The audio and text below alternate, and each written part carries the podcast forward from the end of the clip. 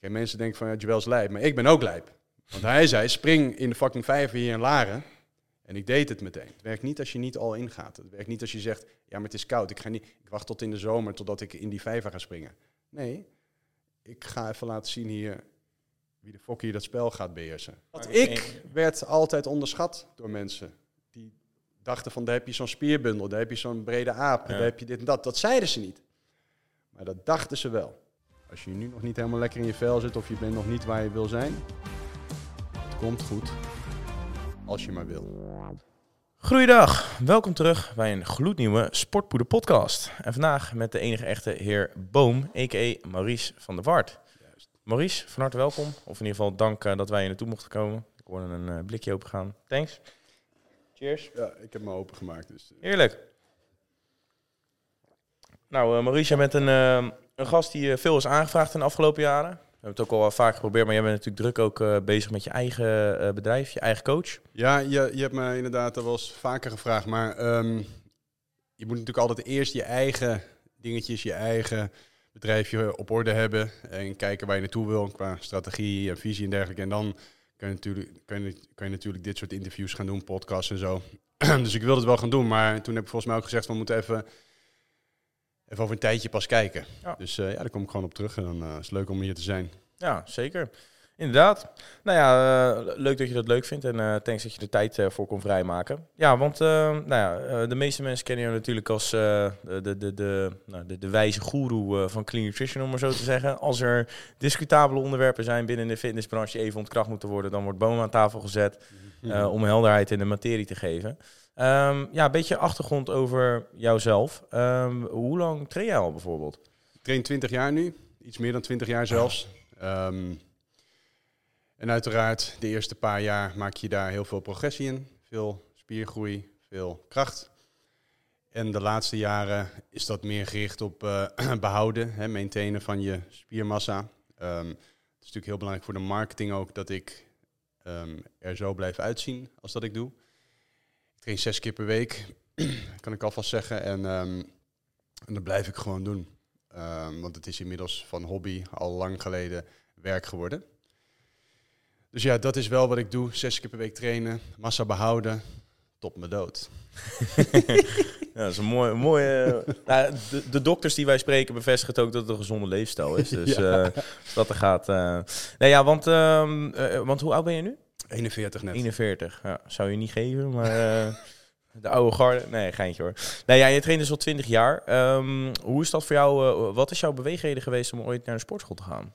Ja, daar heb ik, heb, ik, heb ik zelf ook wel vaker over nagedacht, maar dat, dat, dat, eh, dat gaat gewoon zo. Maar ik heb altijd teamsport gedaan. Ik heb gehockeyd, gevoetbald, gerugbied. Daarnaast vroeger ook gewoon tennis en judo en dergelijke kickboksen gedaan. Hoor. Maar ehm, vanuit teamsport, al mijn teamleden eh, gingen op een gegeven moment ook studeren. En toen was ik rond de 20. en toen dacht ik, ja, ik, ik ga eens een keer bij de lokale gym kijken. En dat was dus hier in, eh, in Laren. Bij Family Fitness heette dat. En dat was een gym die eh, ja, waar redelijk wat ouderen trainde ook. En ik kwam, daar, ik kwam daar steeds vaker. En toen merkte ik ook aan mezelf dat ik, dus heel, dat ik er talent voor had. Om, ik merkte dat ik sneller in kracht groeide dan andere jongens. En ik merkte ook dat het, vooral het individualistische karakter van, van trainen, van fitness, mij heel erg aansprak. Want ik ben eigenlijk... eh, dus ik had dat, dat hele gevoel van teamsport, dat ruilde ik in voor een, voor, voor een soort van lifestyle waarin ik gewoon zelf kon doen wat ik wilde op dat moment. En dat sprak me aan. Dus ik ging, ik kon gaan wanneer ik wil. En ik, in, de, in de gym maak je natuurlijk ook zelf gewoon een eh, vrienden, weer nieuwe vrienden. Eén daarvan, eh, die is eh, later nogal viral gegaan. Die is, En, een- die is een beetje blijven vlakken. daar ben ik aan blijven plakken. en ehm, ja, zo is, dat, zo is dat gegaan, ja. Ja, want ehm, eh, nou ja, je, je bent dus op een gegeven moment gaan sporten. Of in ieder geval gaan gymmen. Ehm, nou, verslaafd aan geraakt. Ehm, want in die tijd ben je volgens mij ook eh, Wouter en Joel daar tegen. Of was Ja, dat niet dus bij de na- Family Na een Fitness? paar maanden volgens mij dat ik daar trainde, hoorde ik letterlijk iemand heel hard schreeuwen. en ik denk, eh, wa- wat is dit voor mogol? En daar was dus Joel een, een shoulder press aan het doen. Maar volgens mij had hij al een of andere schouderblessure of zo. En toen zat hij ook nog te schreeuwen daar. Dat het... Ik denk, was dit joh? Maar hij, raakte, hij zag mij ook trainen. Hij zag mij elke keer trainen. Hij zag gewoon wat ik deed. En dat trok hem ook heel erg aan in mij. Van, ja, dit is niet iemand die jankt. Die is hier altijd. En die gooit gewoon de schijven door het dak. En dat is wat ik ook deed zelf al. Alleen ik dacht, eh, van, ik vond dat heel normaal om te doen. Maar hij zag dat, het, dat, het, eh, dat ik toch anders was dan anderen, denk ik. En dat, wij trokken toen natuurlijk heel, erg naar elkaar toe. Ehm, omdat wij gewoon ook heel erg veel plezier hadden, veel lol maakten in de gym. Wij waren niet gefrustreerd. Wij waren niet bezig met, uh, oh, hoe moet ik eten, dit en dat. En wij aten gewoon op een goede manier. maar daarnaast gingen wij uit. ik, Joel, Wouter, wij leerden elkaar daar kennen inderdaad. En zo hebben we eigenlijk die lifestyle dus vanaf het begin af aan al op een hele natuurlijke manier, Joel heeft het laten flaneren genoemd, we hebben dat op een hele natuurlijke manier gewoon zelf in de praktijk gebracht. En ehm, later pas realiseerde ik mij dat niet iedereen, of het overgrote deel van de mensen, van de jonge mensen, nu nog steeds, zo niet uh, moeite heeft om zo tegen gymmen en trainen en de combinatie met flaneren aan, uh, aankijkt. Dus wij, hadden, wij, hebben, wij hebben die overeenkomstige eigenschappen ontdekt bij elkaar. En het is heel organisch, is dat gewoon gegroeid naar een vriendschap, uh, nu al eh, twintig jaar, zeg maar. Ja. Ja, leuk. Ja, want um, jij, jij bent toen begonnen met, uh, met, met gymmen natuurlijk rond je twintigste dan. Um, wat, wat voor werk deed je toen de tijd? Ik heb, ik heb altijd vroeger als bijbaan, vanaf mijn 18 of 19e heb ik uh, s'nachts taxi gereden. Ah, vooral in het weekend als ja, zeg maar student. Verdient goed volgens mij. Hè? Verdiende toen uh, best goed volgens mij. Ja, um, er zijn inmiddels heel veel regels bijgekomen. Maar toen, kijk, ik ben een jongen die zoekt de vrijheid op. Ik ben een... Um, en die heeft dat heel erg hard nodig. Dus bij de Albert Heijn werken in een team en zo, met iemand die op je let, dat is niks voor mij. Ik heb, ik heb dus ook nog nooit in loondienst gewerkt. En ik weet dat, dat dat mij ook niet uh, aanstaat en, en uh, dat, dat werkt niet voor mij. Dus ik, heb, ik heb toen, ben toen taxi gaan rijden in het weekend. Um, dus dat is hier vooral in het Gooi geweest, Amsterdam. Veel naar Schiphol gegaan in al die jaren. Dat verdiende goed. Ja, het voordeel is natuurlijk als je dan in het weekend niet uitgeeft en in de kroeg maar uh, werkt, dan verdien je daar aardig mee. En dat kon ook prima, want ik en Joel gingen toen op maandag naar de cooldown op het Leidsplein in Amsterdam. We gingen donderdag zuipen, we gingen op alle andere dagen zuipen. En op vrijdag, zaterdag deden we vaak niks. Hm. Ik weet nog dat ik jarenlang, ja sowieso, ik werkte ook. En af en toe zag ik hem wel in de nacht, zeg maar. Toen, uh, uh, ja, hij en Wouter gingen dan bijvoorbeeld uit en dan haalde ik hun op met de taxi of weet ik wat allemaal. En dan hadden we weer even lol. En, uh...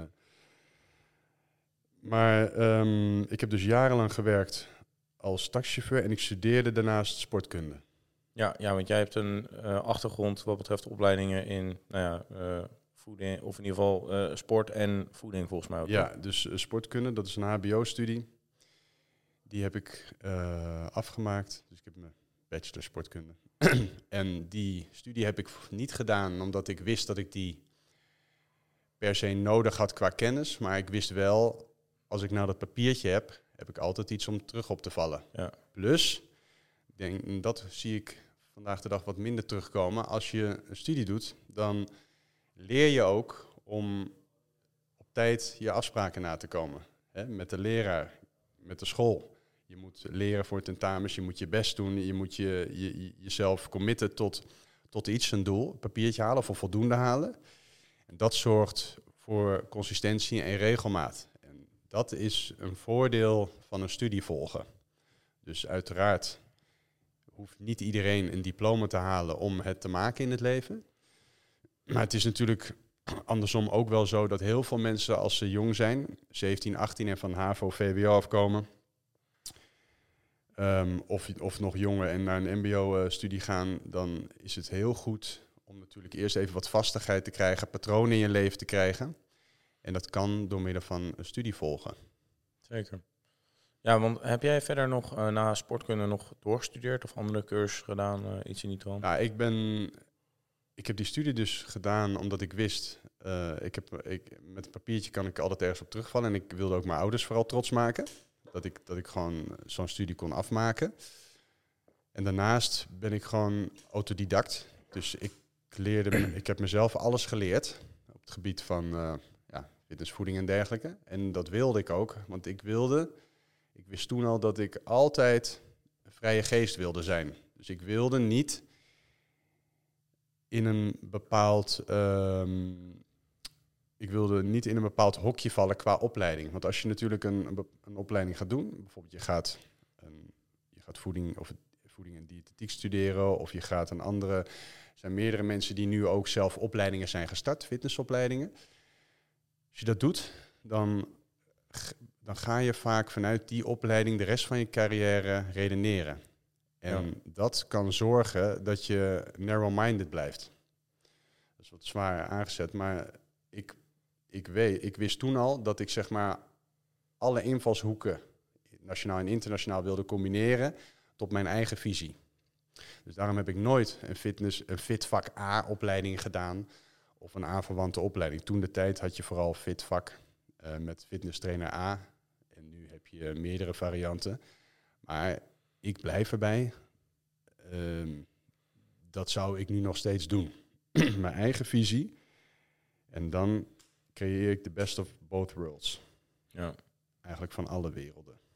Hm. Daarom heb ik dus geen... Ik heb alleen cursussen gevolgd. Ehm, nu recentelijk weer. Cursus veranderkunde op post-HBO-niveau. En die cursus veranderkunde die heb ik bijvoorbeeld gedaan omdat ik ook meer de kant van life coachen op ga. Dus fitness blijft de kern, maar daaromheen ga ik het wat breder trekken.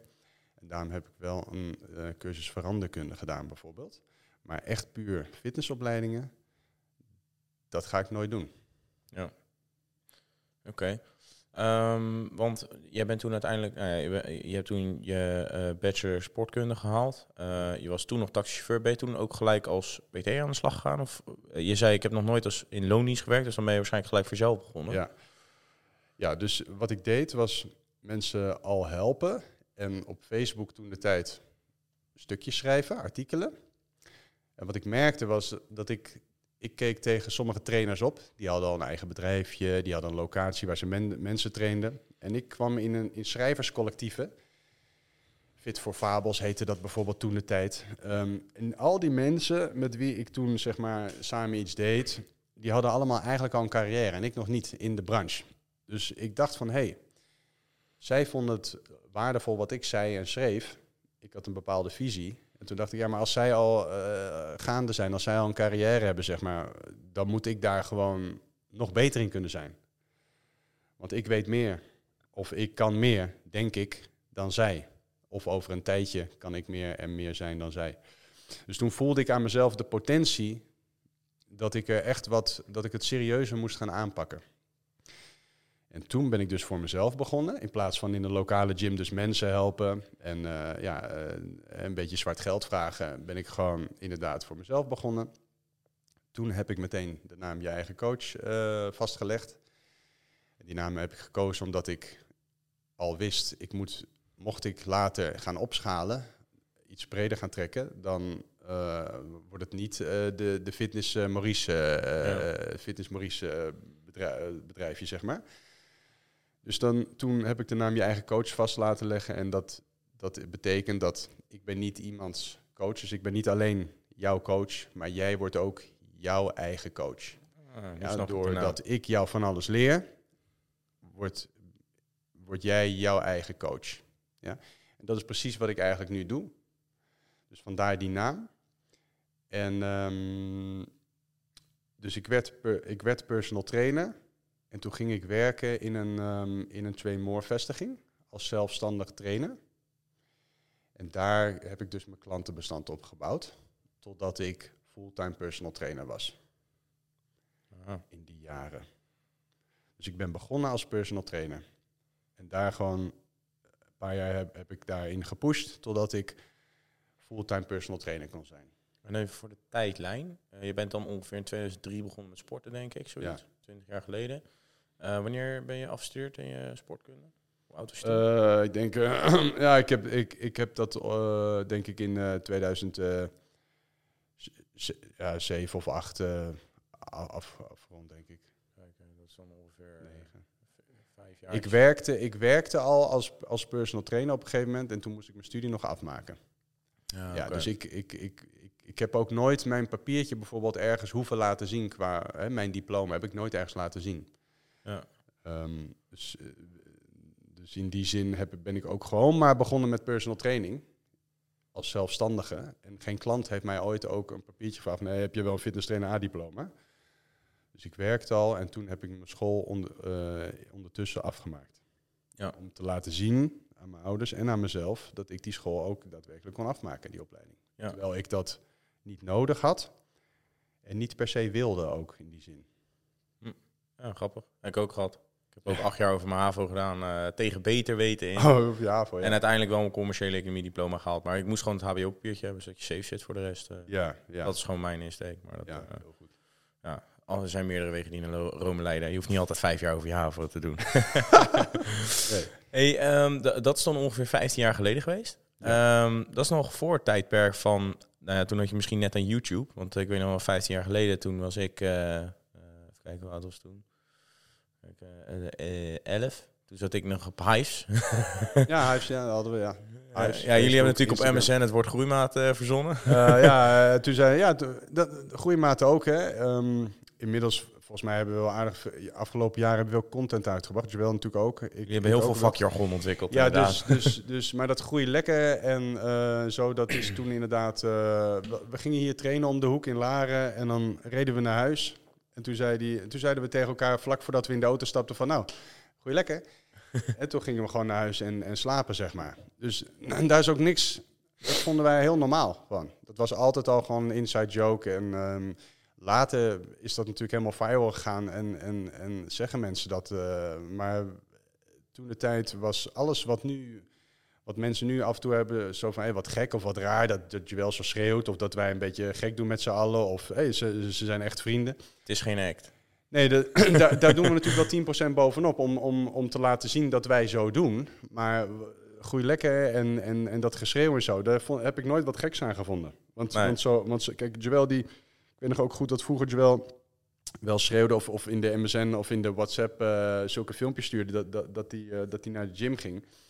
Maar mij boeide het geen reet, want ik was, ik was al in de gym. Dus hij hoefde, hoefde mij niet te motiveren met geschreeuw of zo. En dat weet hij donders goed, snap je? Dus, dus ik vond er ook niks geks aan. Ik denk, nou prima, kom maar snel hierheen, want ik ben er al.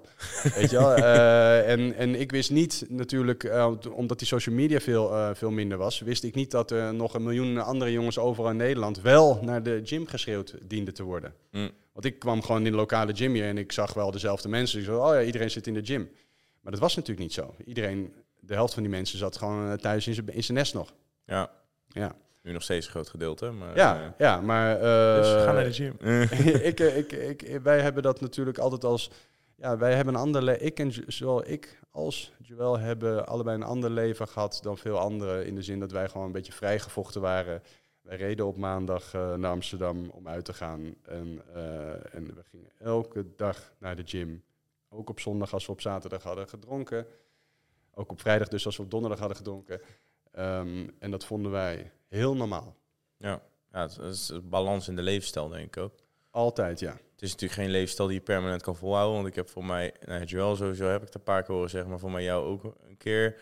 Dat je het, naarmate je ouder wordt, dat het wel steeds zwaarder op je gaat wegen als je elke, elke week er helemaal af gaat. Ja, ik Eh, kan daar wel eh, goed, goed tegen hoor. Maar ehm, uiteraard, eh, kijk, het is meer zo dat je het. Het is ook niet noodzakelijk om elke week maar dwars door het geluid te gaan. Nee. Dus er zijn heel veel dingen in het leven die leuk zijn, en waaronder partyen. Dus eh, ja, aan maar ik zeg altijd tegen jongens ook van, weet je, aan partyen geen gebrek in je leven. Dus je hoeft het niet, je, je, je hoeft je niet uit te sloven op je twintigste door, door, door, door eh, drie keer per week eh, hard te gaan. Ja.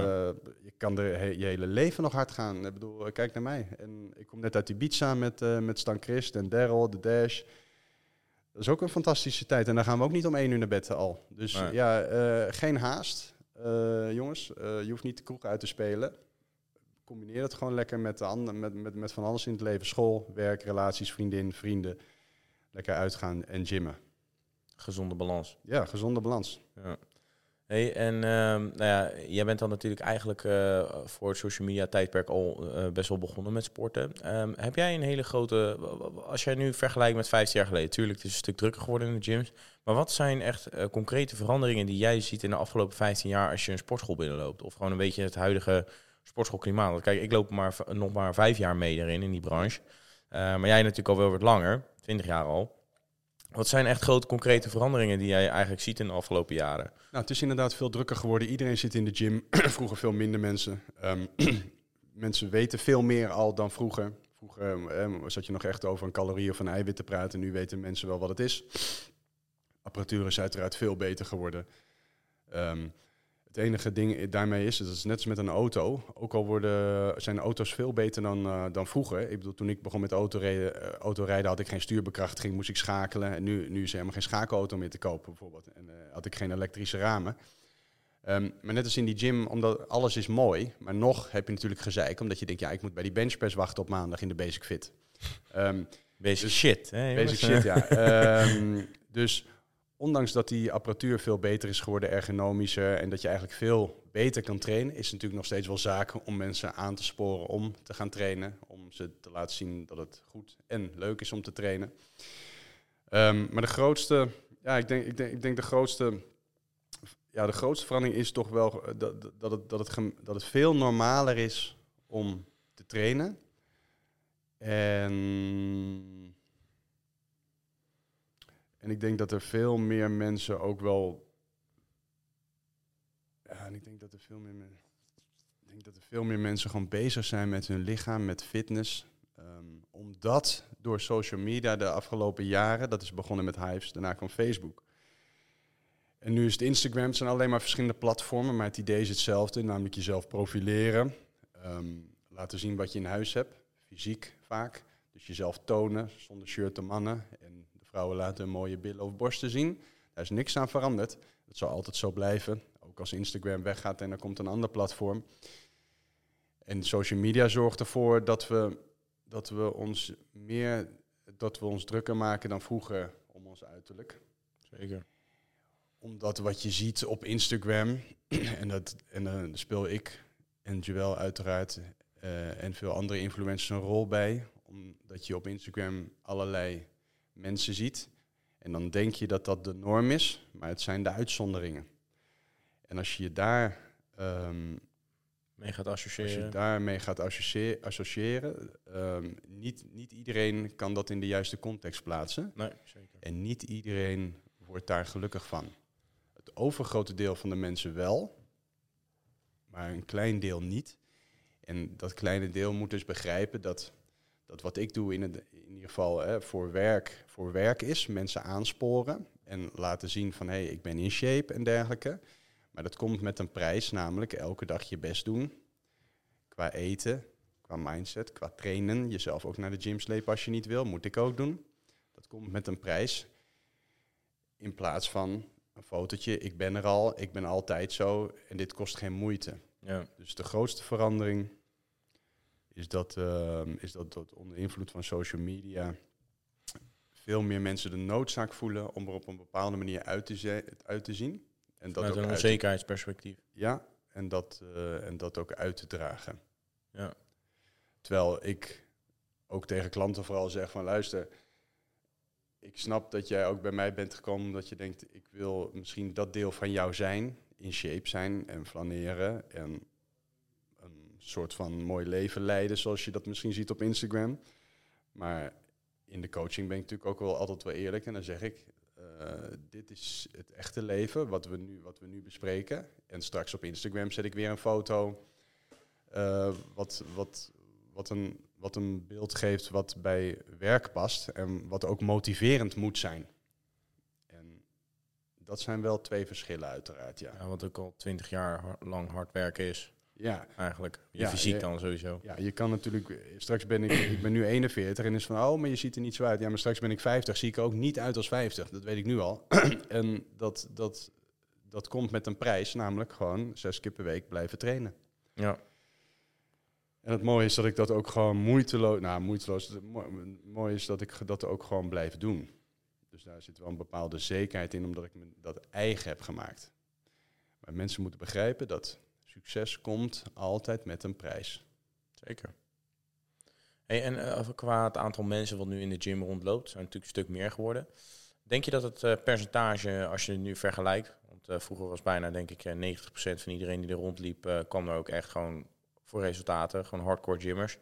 Denk je dat dat percentage gereduceerd is in de afgelopen jaren? Ja, dat is niet anders. Dat, dat, dat bestaat gewoon. Uh, dat, dat is niet anders. Als, je meer, als er meer mensen gaan gymmen, dan zal je een groter percentage zien dat daar eigenlijk weinig uitvoert. Veel op het telefoontje, uh, veel voor de gezelligheid. Ik denk niet dat je daar iets aan kan doen. Um, want ja, de gym biedt die mogelijkheid ook. Het is gezellig. Er zijn vrouwen, er zijn jonge meiden. Het is, het is, het is eigenlijk net als een hockeyclub. Uh, je, je kan sporten, maar je kan ook met, met een mooie meid praten, zeg maar. Je kan die mooie meid ook gewoon bekijken. Je hoeft er niet eens tegen te praten. Dus het is ook een soort van halve middelbare school. Het is alles in één, die gym. En het is een ontmoetingsplek geworden. En een plek waar je kan trainen. En iedereen kan daar zijn ding doen. Maar heel veel mensen... Ik zeg altijd van, weet je, ga nou maar naar die gym. Ga niet met de gedachte, ik moet daar hardcore bezig zijn. Ik moet daar 100 kilo bank drukken. Um, ga maar gewoon eens naar de gym en ga daar kijken wat jouw rol daarbinnen dan is. Dat zeg ik natuurlijk tegen de klanten bij mij die, die niet die mindset hebben al van ik breek daar zes keer per week de tent af. Ik zeg dat tegen de mensen die denken van hey, is dat wel iets voor mij? En dan zeg ik, nou begin eens met daar naartoe gaan. En dan ga je vanzelf merken dat je daar natuurlijk heel veel mensen die het kennen.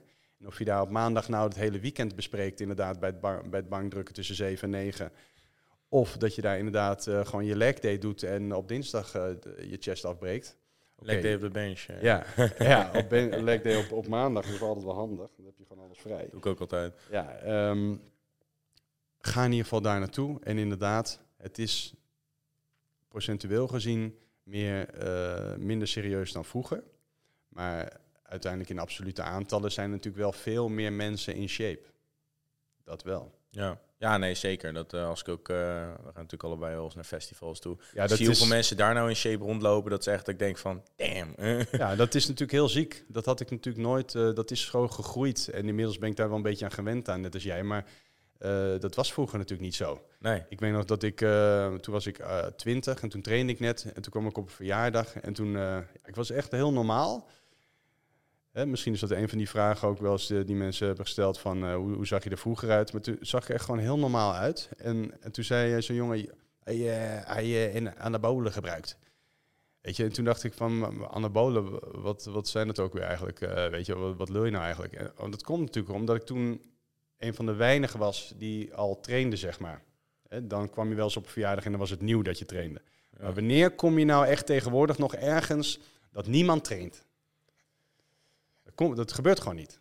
Nee, bijna niet. Nee. Dus wat dat betreft... En bij de boekenclub misschien? Ja, bij de boekenclub, ja. Maar het is, het is veel normaler geworden om te trainen. En uh, ik denk dat je... Hè, we lopen ongeveer al de tien jaar achter op Amerika. Daar is het gewoon heel normaal dat je zegt... Hey, I go to the gym. En hier betekende dat vroeger van, uh, dat je een of andere uh, gym-nerd was of zo. En nu is het gewoon heel erg populair. Het heeft status als je gewoon naar de gym gaat. En het is gewoon heel normaal, ook voor vrouwen. Ja, zeker. ja. ja. Hey, en um, als je dan kijkt in de transitie van de afgelopen jaren, we zijn natuurlijk uh, van huis overgesprongen naar Facebook, naar Instagram. Um, nou, jij hebt er op een gegeven moment ook aan moeten geloven. Ja. Nou, uh, voor mij al rond de 60.000 volgers ongeveer. Ja. Gaat hard. Um, vind, vind je dat lastig om naar, als je dan kijkt naar zeg maar, het, uh, het sporten, kijk, je hebt het nu natuurlijk ook nodig om, voor, voor nou ja, je coaching, et cetera. Um, alleen vind je dat vervelend om te zien dat uh, social media zo'n invloed heeft op uh, mensen die. Als je kijkt naar wat het met de mindset doet, het heeft natuurlijk wel enigszins een beetje negatieve invloed daarop. Dat mensen heel negatief zelfbeeld krijgen. Uh, vooral die body dysmorphia wordt alleen maar erger. Ja, ja. Sommige, dat, dat overigens, onderzoek is laatst uitgekomen dat, dat de meeste mensen hebben daar, kunnen dat in de juiste context plaatsen, social media. Um, maar er zijn uiteraard mensen lager opgeleide mensen, mensen die al van nature onzeker zijn, mensen die uh, een, ja, zeg maar een, een, een andere jeugd hebben gehad, uh, misschien gepesten en dergelijke. Die komen niet zo makkelijk daaruit. En social media die wakkert dat, wakkert dat soort negatieve gevoelens die zij over zichzelf al hebben aan. Dus als je gelukkig bent, dan is het niet erg om naar iemand te kijken die bijvoorbeeld in een mooie auto rijdt, miljonair is, een bepaalde leefstijl rijdt, uh, le leeft. Als je ongelukkig bent, dan maakt jou dat niet gelukkig. Dus het is inderdaad. Kijk, wat er met mij is gebeurd de afgelopen jaren, dat, dat, dat, dat is gewoon heel vreemd. Ik moet daar nog gewoon dagelijks aan wennen. dat mensen mij kennen, mensen mijn naam roepen. Niet alleen mijn naam Boom, maar ook mijn naam Maurice. Dus een heel vreemd idee. Um, en het... Hij steekt ook overal anderhalve kop bovenuit. Dus ik denk dat, dat je daar wel ja, makkelijk herkend ja, wordt. maar het, de, het, het, het, fijne is dat jij inmiddels ook wel weet hoe dat een klein beetje werkt. Als mensen red uh, roepen, weet ik veel waar je komt. Het went nooit. En het is ook vreemd, omdat je, omdat je continu bij jezelf moet nagaan. Ook van, ja, maar wie ben ik dan? Welke, welke rol speel ik dan voor jou? En als iemand naar mij toe komt op een feest en zegt, ja, maar ik ben 30 kilo afgevallen door jou en je, je hebt mijn leven veranderd denk je, ja, maar jij hebt, ik heb jou nog nooit gesproken, jij hebt dat nog nooit tegen mij gezegd, niet eens in een DM. Dan moet je daar continu moet je even weer terugschakelen van Maurice naar Boom. Continu heen en weer schakelen. En dat is, dat is gewoon bijna dagelijks. En ehm, ehm, dat, dat, dat is natuurlijk wel heel erg wennen. Die rol die social media uh, heeft op mensen zoals ik. Dus ik, ik, ik, ik um, ja, jouw vraag was volgens mij uh, de rol die social media heeft op andere mensen. De gemiddelde gymrat om. Ja, de gemiddelde gymrat. Um, ja, en wat ik zeg, ik, ik, ben, ik moet ook zeggen, ik ben ook druk met mijn eigen rol. Maar ik zie gewoon dat, dat mijn klanten uh, uiteindelijk in de coaching, waar, waarbij ik met ze praat, met ze chat, die kunnen dat wel allemaal gewoon in perspectief plaatsen. En de, ja, weet je, en wat ik wel wil zeggen, als, als uh, ja, dat is mijn kamer volgens mij. Als jij nu kijkt en je woont misschien eh, op, op je zolderkamer in Drenthe, in, in een klein dorpje, en je denkt van ja, hoe kom ik ooit naar dat level waar ik wil zijn? Een studie, een bepaalde baan. Uh, ja, weet je, neem wel de tijd, want het leven loopt zoals het loopt. En mocht je nu 18 zijn of 20, dan kan ik je verzekeren dat je op een heel andere plek bent op je 25ste. En op een heel andere plek op je dertigste, als jij dat zelf wil. Dus neem ook je tijd, als je nu nog niet, als je nu nog niet helemaal lekker in je vel zit of je bent nog niet waar je wil zijn, dat komt goed, als je maar wil. Ik weet niet of het je ontgaan is, maar sinds kort doen wij dus aan een cashback actie. Waarbij we dus 10 mensen maandelijks blij maken door hun volledige bestelling terug te vergoeden als zij via de Sportpoeder app besteld hebben. Nou, als het goed is ken je de Sportpoeder app al. Maar daar staan dus de lekkerste kortingen voor jouw supplementenmerken. Dus download hem eventjes en bespaar lekker. En maak ook nog eens kans op die heerlijke cashback. Kijk lekker verder. Mooie speech. Of nou ja, een mooie quote. Ja, omdat natuurlijk de social media is verraderlijk inderdaad. Die is verraderlijk. Nou ja, we hebben het inderdaad wel over de negatieve kant. Alleen ik, ik denk ook dat uh, vooral in de fitness scene, als je inderdaad, wat jij ook zegt, uh, zoals wij krijgen die DM's, maar ik weet zeker dat het bij jou nog veel meer is, omdat jij natuurlijk oh, eigenlijk die, een... Die fucking gasten zijn er niet eens meer. Nee, die zitten lekker op de K, op de Die zitten op het bankje te overlopen. Nee, alles draait dus, eh, alles doet het ook gewoon. Nee, maar dat, um, dat als je natuurlijk kijkt naar wat voor DM's jij natuurlijk krijgt. Je bent natuurlijk een informatieverspreider wat betreft fitness. En dat, heeft, natuurlijk, dat heeft natuurlijk ook zijn positieve effecten. Omdat ja. Nou ja, je, je, je verandert letterlijk mensen hun levens. En. Uh, wat, wat, ja, hoe voel jij je daarbij? Word je daar gelukkig van? Of, ja, dat, is de, dat is de drijvende kracht achter mijn werk. Want uh, kijk, ik weet niet wat je wel allemaal in die podcast hier heeft gezegd, maar volgens mij heeft hij dat wel vaker. Het heeft natuurlijk wel impact op je leven. Kijk, ik heb altijd gezegd, ik wil mensen helpen. Daar, daar word ik vrolijk van. Maar dat kan, dat kan op heel veel manieren. Als mensen zeggen, ja maar Maurice, ik wil ook mensen helpen. Dan zeg je, ja maar dan moet je bij de politie en brandweer. Want daar ga je gewoon echt mensen helpen. Dan ga je mensen uit de sloot halen, overvallers aanhouden. Uh, dan ga je mensen helpen. Dus ga niet in de fitnessbranche werken alleen maar van ja, ik wil mensen helpen. Dat kan overal. Dat kan letterlijk ook als je bij de, bij de bakker of uh, brandweer of uh, bij de bank werkt. Dan help je letterlijk mensen. Maar het, het, het, kan, het, kan, het helpt enorm om de motivatie te houden om elke dag maar weer met mensen bezig te zijn. Want je, hebt je bent natuurlijk voor 20% een psycholoog bent voor 20% uh, eh, hun, hun, hun, ouders, je bent voor nog eens 10% uh, eh, vrienden, et cetera. Als je met mensen hebt te, te, maken hebt, is dat heel intensief. En de prijs die je daarvoor betaalt, is dat je, dat je hoofd vol gaat zitten, zeg maar. Nou, om dat te counteren moet er een beloning tegenover staan. En die beloning is inderdaad bij mij ook dat mensen zeggen van... dankjewel voor je tips. Daar heb ik wat aan. Je hebt mijn leven veranderd. Ik ben afgevallen. Het gaat veel beter nu met me. Ik ben in de shape van mijn leven. Ik had nooit gedacht dat ik dit zou kunnen bereiken.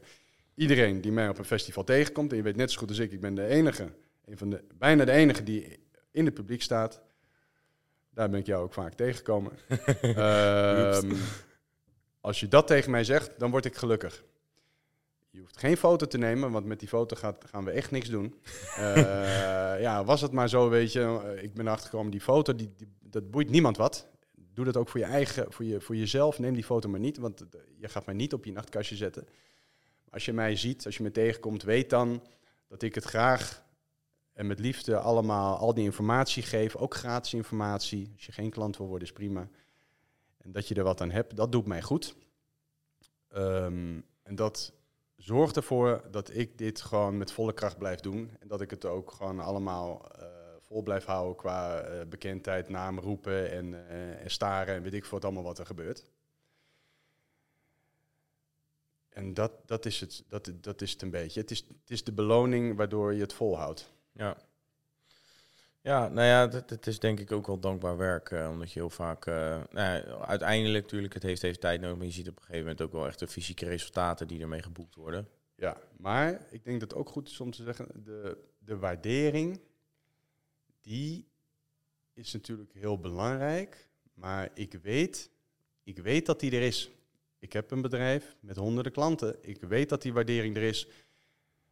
Als je mij niet aanspreekt of, of nooit een DM naar mij stuurt, dan weet ik nog steeds dat, dat, dat ik jou bereik en jou help. Dat zie je natuurlijk aan de aantallen mensen die kijken, views op YouTube, weet ik wat overal. Ik weet dat dat zo is. Dus daar haal ik al mijn dagelijkse dankbaarheid uit.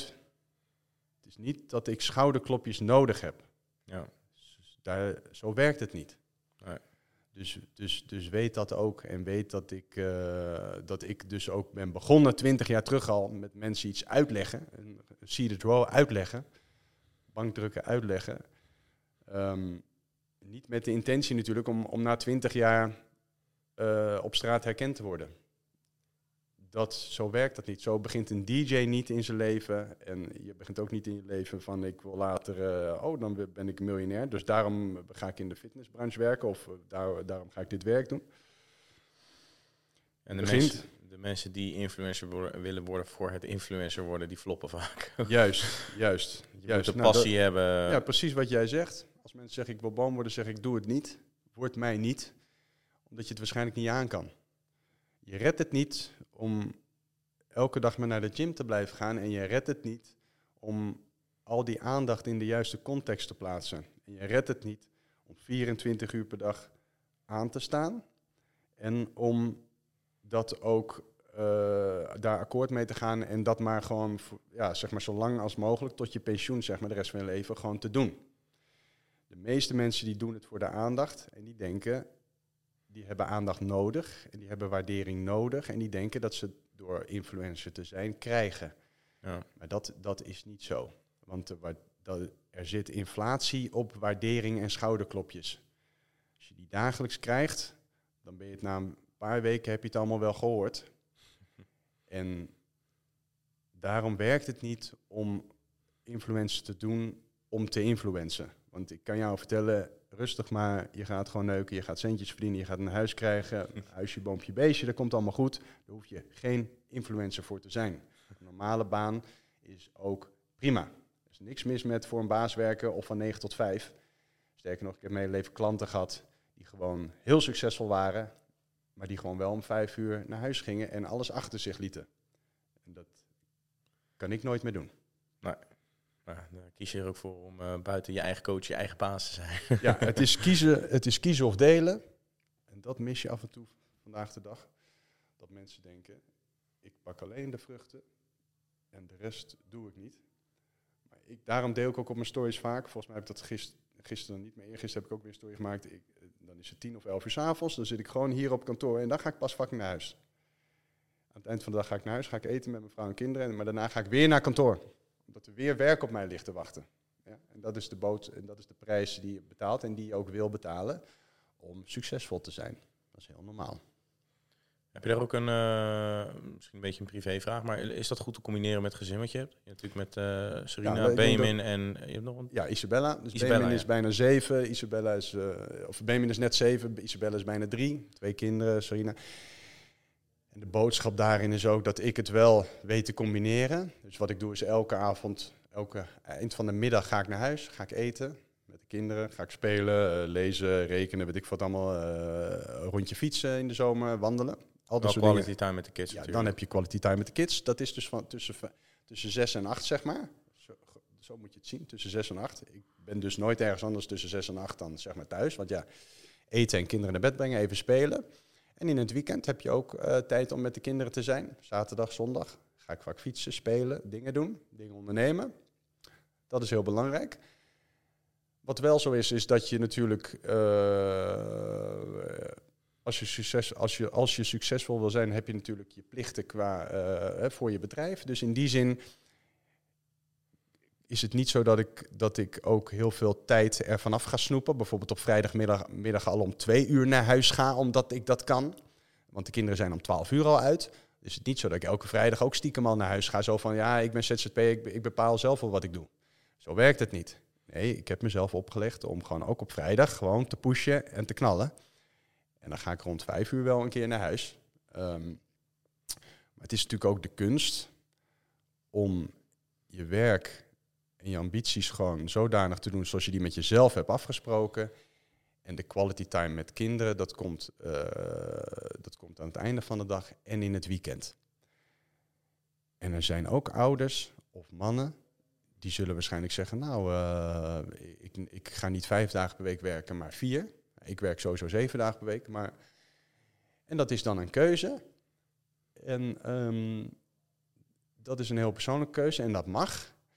Maar om te komen waar ik wil komen, en, ik denk dat heel veel mensen hier eh, dit, dit herkennen, die, die een eigen bedrijf hebben, of dat nou in de fitnessbranche is of ergens anders, dan moet je een bepaalde mindset hebben waarin je dus tijd investeert en moeite. En dan, lukt, dan gaat dat niet door, zeg maar, en dan lukt dat niet door met een mindset, dan lukt dat niet door, dan lukt dat niet door, ja, even kijken hoe zou ik dat verwoorden, knip er maar in. Dan, ja, en dan gaat dat niet lukken met een mindset van 9 tot 5 in mijn branche. Nee. In mijn branche niet influencer zijn. Als je zegt ik werk voor een baas, ik word uiteindelijk manager en directeur van het bedrijf, zou je in theorie dat kunnen doen door 9 tot 5 te werken, maar dan ben je ook daarbuiten echt nog wel bezig met je werk. Want dan moet je op vrijdag en zaterdag gaan nadenken over wat ga je maandag alweer met je team bespreken. Dus ik heb tegen mezelf gezegd van elke dag samen eten en de kinderen naar bed brengen. En in het weekend spelen. Maar daarnaast ben ik dus ook weer elke avond, als, de, als ik de kinderen op bed heb gelegd, ga ik weer naar kantoor. Of werk ik thuis vaak. Hm. Dat is de intentie.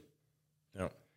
En dat is mijn intentie, wat ik denk dat nodig is voor mijn succes. En als andere da- mensen dat in kortere tijd kunnen realiseren, minder uren per dag, ja, dat zou top zijn natuurlijk. Het is niet dat ik extra veel wil werken, extra vaak wil werken, maar wat nodig is, dat doe ik. Ja. En dat herken ik ook bij elke succesvolle klant die ik ooit heb getraind. Daarom ben ik ook deels personal trainer geworden, omdat ik succesvolle mensen wilde spreken. Niet alleen succesvolle, ook andersoortige mensen. Maar ik wilde van mensen weten wat er voor nodig was om zo te kunnen leven. En dan zie je dat mensen die hoge posities hebben in bedrijven ook bijvoorbeeld twee keer per week minimaal uit eten moeten met klanten. Dan ben je er niet met avondeten. Ja. Dat is gezeik. Die, hebben, die hadden ook allemaal kinderen. Die waren het niet met eten. Dat is de prijs die je betaalt voor succes. En daartegenover staat weer hopelijk meer financiële zekerheid, meer financiële vrijheid. En dat is het. Hey, ehm, om naar het vol of in ieder geval over het volgende onderwerp. Ehm, toen Boom in de picture kwam, om maar even zo te zeggen. Ik weet nog wel een van de eerste keren. Ik denk dat het nou onderhand alweer drie of vier jaar geleden is. Eh, ja, ik train nu ongeveer nou, bijna vijf en een half jaar. Ehm, kwam toen op een gegeven moment in aanraking met eh, nou, Joe Beus natuurlijk. En toen zag ik jou al eens een paar keer voorbij komen. Ja. En ik dacht, hé, hey, eh, Ja. dat is dus blijkbaar ook een van, de, van, van Team Goud. En toen, eh, ik weet nog wel, toen, over creatine. Er was een soort eh, halve rel over dat je natuurlijk vochten van gaat vasthouden. Ga je mij nu iets vragen een keer? Nee, nee, nee, nee, nee Oh. maar dat- dat, dat is het moment dat voor mij... depressie. Dat, nee, nee, maar dat, dat, dat, dat was het moment voor mij dat ik zag dat jij in, in, in de picture kwam. Oh ja. Eh, denk ik, of een van de eerste keren Ja, dat, dat jij zeg maar soort van als ehm, nou wetenschappelijke bron eh, eh, gebruikt werd eh, om, om bepaalde onderdelen te, te ontkrachten, om maar zo te zeggen, een uitleg daarover te geven. Want eh, klopt dat, dat dat toen een van de eerste keren is geweest? Ja, nou, ik zal even het v- verhaal uitleggen. Dat denk, het is een heel belangrijk verhaal, denk ik. Ehm, Nou, leuk, ben benieuwd. ja. ehm, ik en Joël, die zijn altijd eh, die zijn vrienden geworden, twintig jaar terug. Op een gegeven moment is Joël natuurlijk Clean Nutrition gestart. Ja. Ehm, we wisten natuurlijk, hij sowieso natuurlijk ook niet, ik ook niet, niemand niet wist waar, dit, waar dat toe zou leiden. Ehm influencer zijn bestond toch no- nog niet op die manier. Nee. Op een gegeven moment kreeg hij tractie, ging hij, ging hij viral, kwamen we op een festival, werd hij herkend. En, en ik maakte daar foto's van, van mensen die hem herkenden. En, en, en we dachten allemaal, ook als vriendengroep, van wat de fuck is... Waarom, is waarom nou vinden weer? ze hem zo interessant? Ik kwam natuurlijk achter wat zijn kracht was, prima, heeft hij uitgebouwd, heel goed gedaan. En toen heeft hij op een gegeven moment, toen hij, eh, toen hij natuurlijk wat wilde opschalen, ook qua content maken, heeft hij mij gevraagd, Maurice, jij weet veel, ik heb jou nodig in mijn video's. Toen werkte ik gewoon als personal trainer, zeg maar. Ik had gewoon mijn eigen baantje. En toen zei ik, is goed. En toen maakte ik eens een keer een video over creatine. Toen ging ik eens een keer 170 kilo bankdrukken. Toen gingen we planten eten eh, in de, Oh, bij het tuincentrum. De, eh, zeg maar, als je voor deze tijd nog niet sportte, ga die video alsjeblieft checken. Het heet, die het documentaire op Netflix heet The Game Changers. Als je wil lachen, kan je die ook checken. Dan is echt zo Amerikaans als wat. Maar Ja. Clean Nutrition heeft er toen een ontkrachtingsvideo over gemaakt. Ik heb echt de bal uit mijn broek gelachen. Dus was heel ga dat even checken. Dat, eh, al dat soort shit, weet je, dat tuincentrum hierachter en zo. Ehm, en omdat ik weet, dat je wel weet, dat, dat ik blijf doen wat ik doe. Ik blijf mezelf. Dus hij weet waar hij op kan vertrouwen. Dus consistentie is alles. Heel veel mensen die beginnen met, met influencer, met trainen, weet ik wat, in, de, in, de, in deze branche. Noem geen namen. En op een gegeven moment zijn ze out of shape en dan blijven ze out of shape. Dus hij, hij wist dat ik in shape zou blijven, dat ik sterk was en dat ik heel veel dingen wist te vertellen over eh, fitness en dergelijke. Dus hij zegt, doe mee in die video's. En hij weet ook, mensen denken van, ja, Joel is lijp, maar ik ben ook lijp. Want hij zei, spring in de fucking vijver hier in Laren. En ik deed het meteen. en hij zei ook achteraf, dat was in de winter, toen ging je insmeren met creatine of zo. insmeren met creatine. En toen sprong ik in die vijver. Ik zei niet, nee, ik doe het niet. Ik zei niet, is het koud? Ik zei niet, hoe dan, waarom? Nee, ik zei, is goed, we rijden nu naar Laren. En ik sprong in die vijver. En hij zei, kijk, hier heb ik wat aan. Want ik, ik heb scheid, snap je? Dus ik doe dat gewoon, omdat ik weet, het spel is nu begonnen. Het spel van personal training is afgelopen. En het spel van influencer zijn, video's maken, is nu begonnen. Het werkt niet als je niet al ingaat. Het werkt niet als je zegt, ja, maar het is koud. Ik, ga niet, ik wacht tot in de zomer, totdat ik in die vijver ga springen. Nee, ik ga even laten zien hier wie de fok hier dat spel gaat beheersen. Dus ik ging, uh, uh, ik maakte die combinatie van gekkigheid om de aandacht te pakken. En daarna met goede content, goede informatie, wetenschappelijk onderbouwde informatie, die aandacht vast te houden. En dat heb ik vanaf dat moment proberen te doen. En dat sloeg dus heel erg aan bij al zijn volgers. Omdat Ja. ze zagen, deze man is niet alleen gewoon krachtig in de gym, hij is ook gewoon grappig. Nou, uh, het is een prima gozer. En hij vertelt gewoon informatie die we niet uh, op heel veel andere plekken uh, tot nu toe hebben gehoord. Ja. En zo is dat begonnen, dat spel, een paar jaar geleden. En dat duurt tot op de dag van vandaag gewoon voort. Ja, klopt. Ja, want ik ga, ik ga de vraag toch stellen. Iemand vroeg, is Maurice weg bij Clean... Of waarom is Maurice, Maurice weg bij Clean Nutrition? Maar toen dacht ik van, van mij heb je niet helemaal goed opgelet. Maurice is zeker niet weg bij Clean Nutrition. Alleen je bent gewoon druk bezig met je eigen dingen daarnaast. Ja. Waardoor je misschien wat minder in de video's verschijnt. Want mensen, ik denk dat het heel belangrijk voor mensen is om, om te begrijpen dat um, het, het is altijd het doel geweest, ook van uh, ja, Joel, dat je een, een company of lions bouwt, zeg maar. Een, company, een, een bedrijf waar mensen werken die hun mannetje staan, zelfstandig zijn. Joel weet dat als hij belt, nou hij belt niet, hij appt. Als hij appt, dan sta ik klaar. Ik heb meerdere malen hier ook gehad, in de gym, in mijn kantoor, en dan zegt hij, hey, eh, ik rij in de Ferrari 812, we gaan even deze video maken voor Gold Dry. Eh, ik kom eraan. En dan sta ik gewoon klaar hier buiten. Ja? Dat weet hij. In de tussentijd doe ik gewoon mijn eigen ding. Uh, je eigen coach is veruit het belangrijkste wat ik doe. Ook financieel. Ik groei enorm. Dit jaar meer dan 100 procent. Um, dus veel mensen zouden nu denken, ja, maar je, je bedoelt 200 procent. Maar dus meer dan twee keer de omzet die ik dit jaar draai ten opzichte van vorig jaar. Dus dat gaat enorm hard. Maar qua Joel, dus eigenlijk Clean Nutrition, blijf ik betrokken. Ben ik er als hij mij nodig heeft. Ja. En hij hoeft dus niet mijn handje vast te houden. Um, of andersom, dat wil hij ook niet. Dus in die zin is het juist heel waardevol om op deze manier samen te werken.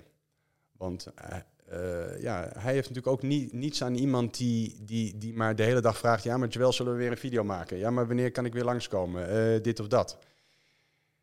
En ik denk dat het... Uh, en, dus zullen mensen moeten begrijpen dat die, die connectie van mij en Joel... Die, die blijft altijd. En die is juist zo sterk... omdat er het vertrouwen is dat we er altijd zijn voor elkaar.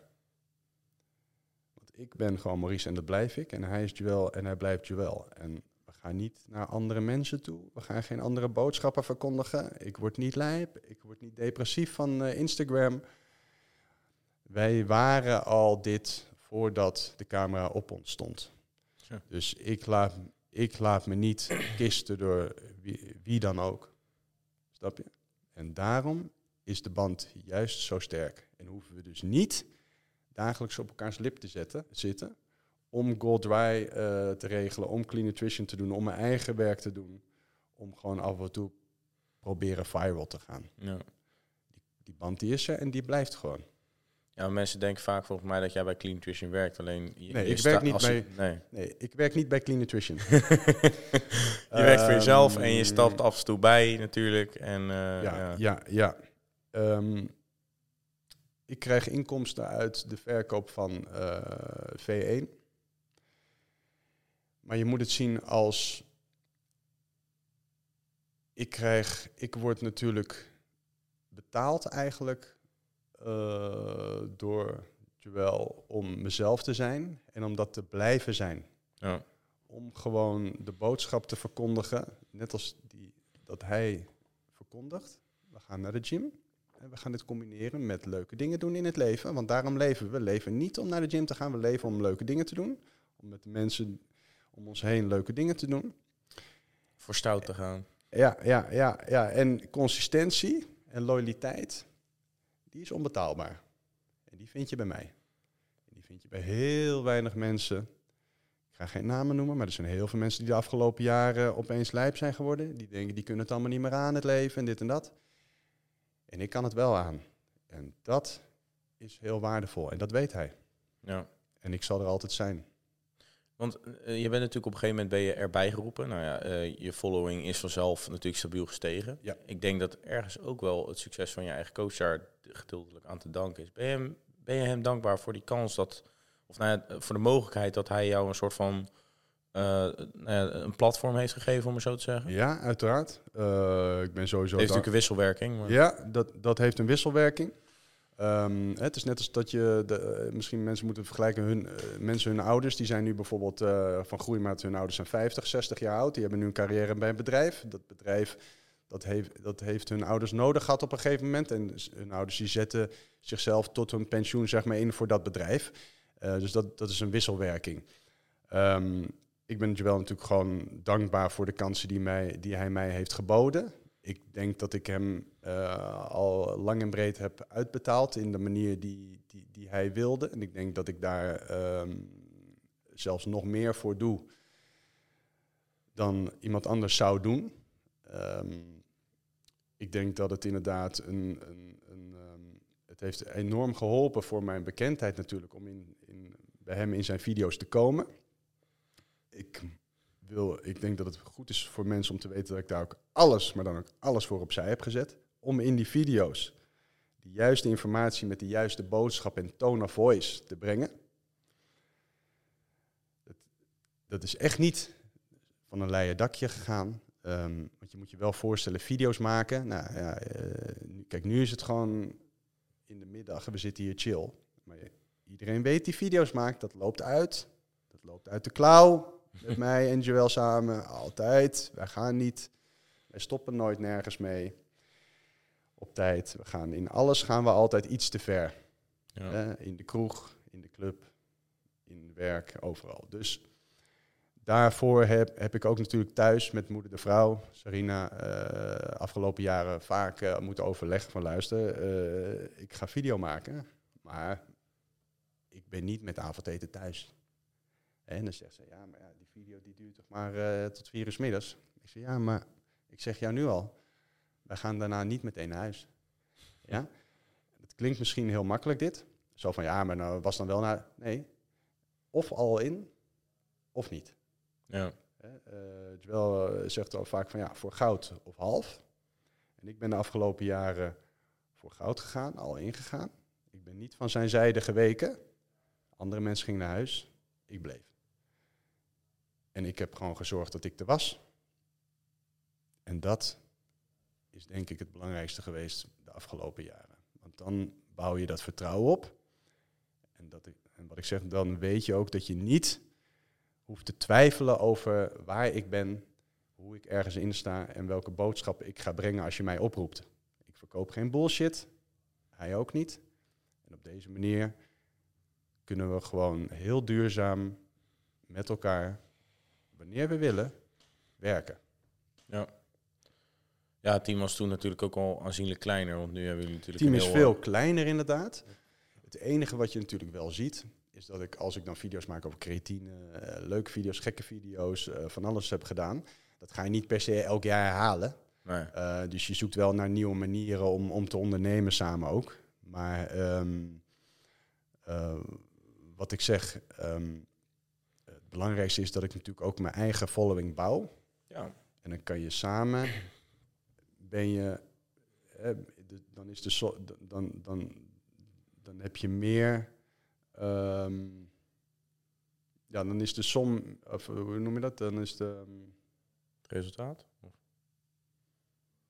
Dat is ook weer som en de, de delen, Ja, dan, eh, kijk, weet je wat is? Dan is eigenlijk uiteindelijk 1 plus 1 3 in plaats van 2 of anderhalf. Als ik klein zou blijven als character of wat dan ook. Maar ik heb gewoon vol doorgepusht.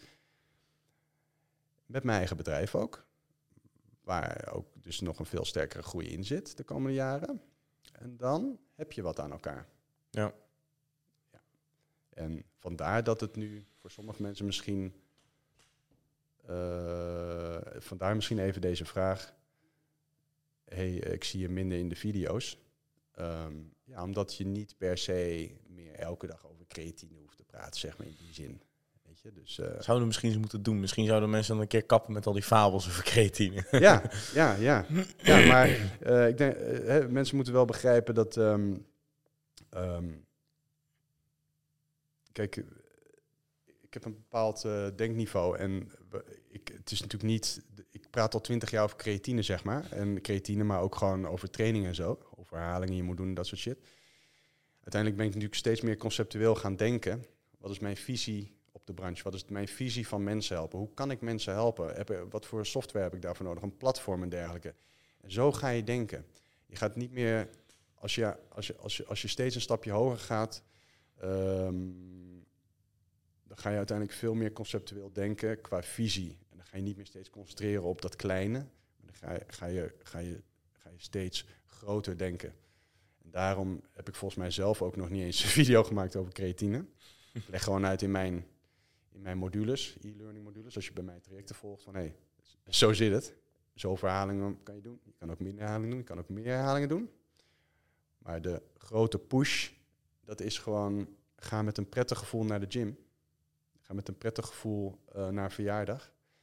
Eh, en wees niet, eh, en wees niet eh, ontevreden als je daar iets meer hebt gedronken of gegeten dan je hebt gedaan. Ja. Ik hoop dat ik het daarmee zeg maar duidelijk uitleg. Hey, en als je ook kijkt in de afgelopen jaren, want eh, nou ja, je bent toen natuurlijk eh, opgekomen, nou, solide reputatie binnen de Nederlandse markt, om maar zo te zeggen. Iedereen kent je natuurlijk voor Clean Nutrition een beetje als de professor daarvan. Ja. Eh, en nou ja, mensen kijken op naar jou omdat je gewoon, nou ja, een informaat, nou, informatieus is voor mij geen goed Nederlands, maar in ieder geval een persoon vol informatie bent met goede en duidelijke concrete uitleg, waar ik ook in het begin van mijn gymcarrière veel van geleerd heb. Dus dank je wel daarvoor trouwens. Ik genoot altijd echt heel erg van die, eh, van die vlogs. eh. ja, die die Was- documentaire van Game Change moet je echt even checken, jongens. Ja, maar dat was. Ik, ik kijk, kijk, als mensen die, die kijken, die kennen me ook al een paar jaar. Ik, ik vond het fantastische vlogs om te maken. Eh, die, die lol, die komt niet elke dag meer terug, helaas. Die lol. Want hoe, hoe meer je onderneemt, hoe succesvoller je wordt, hoe serieuzer je daarmee moet omgaan, Ja, hoe dat meer je te verliezen hebt. Maar ja, wie weet, weet je, kunnen we weer in de toekomst. Ja, ik alleen, maar ook ik en Joël. Want er is niemand anders dan ik en Joël samen. Voor mij sowieso ook. Dan ehm, ja, kunnen we wel weer lol maken. Maar hoe meer ervan afhangt, ja, serieuzer het wordt eh, vaak. Dus de, de- maar weet je, misschien in de toekomst kunnen we weer echt een beetje gek gaan doen. Dat, daar kijk ik ook wel Of, weer naar of uit. je? kijk Want- gewoon lekker die video's terug. Dat is ook soms even genieten. Ja, hoor. maar Eh, dat, het staan gaat, genoeg video's op het kanaal. Ja, het gaat, het, gaat, Kanalen. het, gaat, het, gaat, het gaat wel weer gebeuren. Maar hou, hou, hou nog even vol, weet je. Dan kunnen, we weer, dan kunnen we weer gek doen. Want weet je wat is? Ik laat niet de kaas van mijn brood afeten door een stel jonge YouTubers of TikTokkers. Laat ik echt niet doen. Dus dat gaat vanzelf komen, jongens. Geen stress. Hey, ehm, je, je, hebt natuurlijk, je gaat al best wel wat, eh, wat jaren mee. Eh, zoals je zelf ook zegt, eh, we hebben een hoop mensen die komen en gaan. De fitnessbranche is heel dynamisch. Het Ja. verandert constant. Je ziet inderdaad steeds nieuwe mensen opkomen. Ja. Nieuwe mensen, of oude mensen weggaan, et cetera, et cetera. Ehm, maar jij houdt je hoofd best wel hoog boven het water, om maar zo te zeggen. Wat denk jij dat nou voor jou of jullie dan een beetje daar de succesformule in Ja, is? dat zou ik nou meteen heel duidelijk zijn. In de fitnessbranche zitten heel veel hobbyisten die van een hobby nooit hun werk gaan maken.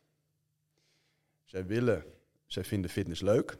En dat begint bij als jij een, als jij een opleiding gaat doen in de sport. Ik kwam op HBO. Eerste vraag die men stelt.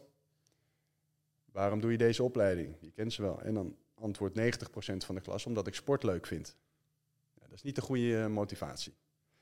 De motivatie moet zijn omdat ik daar een bepaald eh, idee bij heb. Omdat ik natuurlijk wel leuk vind om mensen te helpen. Maar werk is werk. Op het strand liggen is op het strand liggen. Maar afspraken maken en filmen op het strand. Om op tijd daar te zijn met een camera op je gezicht. Dat, dat is alweer werk. Dat is iets heel anders dan op het strand zelf zonder camera zijn. Snap je? Dus als je dus 90% van de mensen die natuurlijk nu begint met social media of influencer denkt te willen zijn, blijft hobbyist. Omdat ze dus stoppen als de weerstand te groot wordt. Als, en de weerstand betekent is dus, oh, ik moet investeren. Ja. Geld. Ik moet geld investeren in een cameraman. hey, ik moet ergens op tijd zijn. Ik moet eh, elke week uploaden. Eh, ik moet samenwerken met mensen. Eh, ik vind dit werk niet leuk. Personal training. hey, dat is zwaar. Oh, ik wil personal trainer zijn, maar ik wil niet 's ochtends om 7 uur en s'avonds om 8 uur 's avonds twee klanten trainen op een dag. Want ik wil s'avonds chillen met mijn maten. Alles vereist gewoon de juiste mindset. En dat kan alleen als je het als werk gaat zien en de bijbehorende plichten bereid bent om, om, om te doen. En daarom vallen mensen vanzelf weer af. Alles is leuk, totdat je dus weerstand krijgt en het moeilijk krijgt. Joel noemt dat dalmomenten. En dan moet je bereid zijn om door te pakken. Heb ik ook gedaan. Ik heb de afgelopen jaren, een paar jaar geleden, zat ik ook helemaal, was ik helemaal fucked up. Toen heb ik dus sollicitaties de deur uit gedaan bij fitnessbedrijven. En de grap is, toen ik fucked up was, was dat. Maar ik heb wel doorgezet. Om voor mezelf zelfstandig te blijven en mijn eigen bedrijf op te bouwen. En de grap is dat twee, drie jaar nadat ik zo'n sollicitatie de deur uit had gedaan bij zo'n fitnessbedrijf, een gym, Benaderen ze jou, zeker. Toen hebben ze, mij, hebben ze nooit op gereageerd. En jaren later hebben ze mij gevraagd om bij hun te komen werken. En toen heb ik gezegd, jongens, jammer joh, een paar jaar te laat. Hm. Dat zal ik nooit vergeten. Als je dan, hè, in je, als je dan niet lekker gaat en mensen die zijn niet bereid om je te helpen of, of werken je tegen, dat zal, ik, dat zal ik nooit vergeten.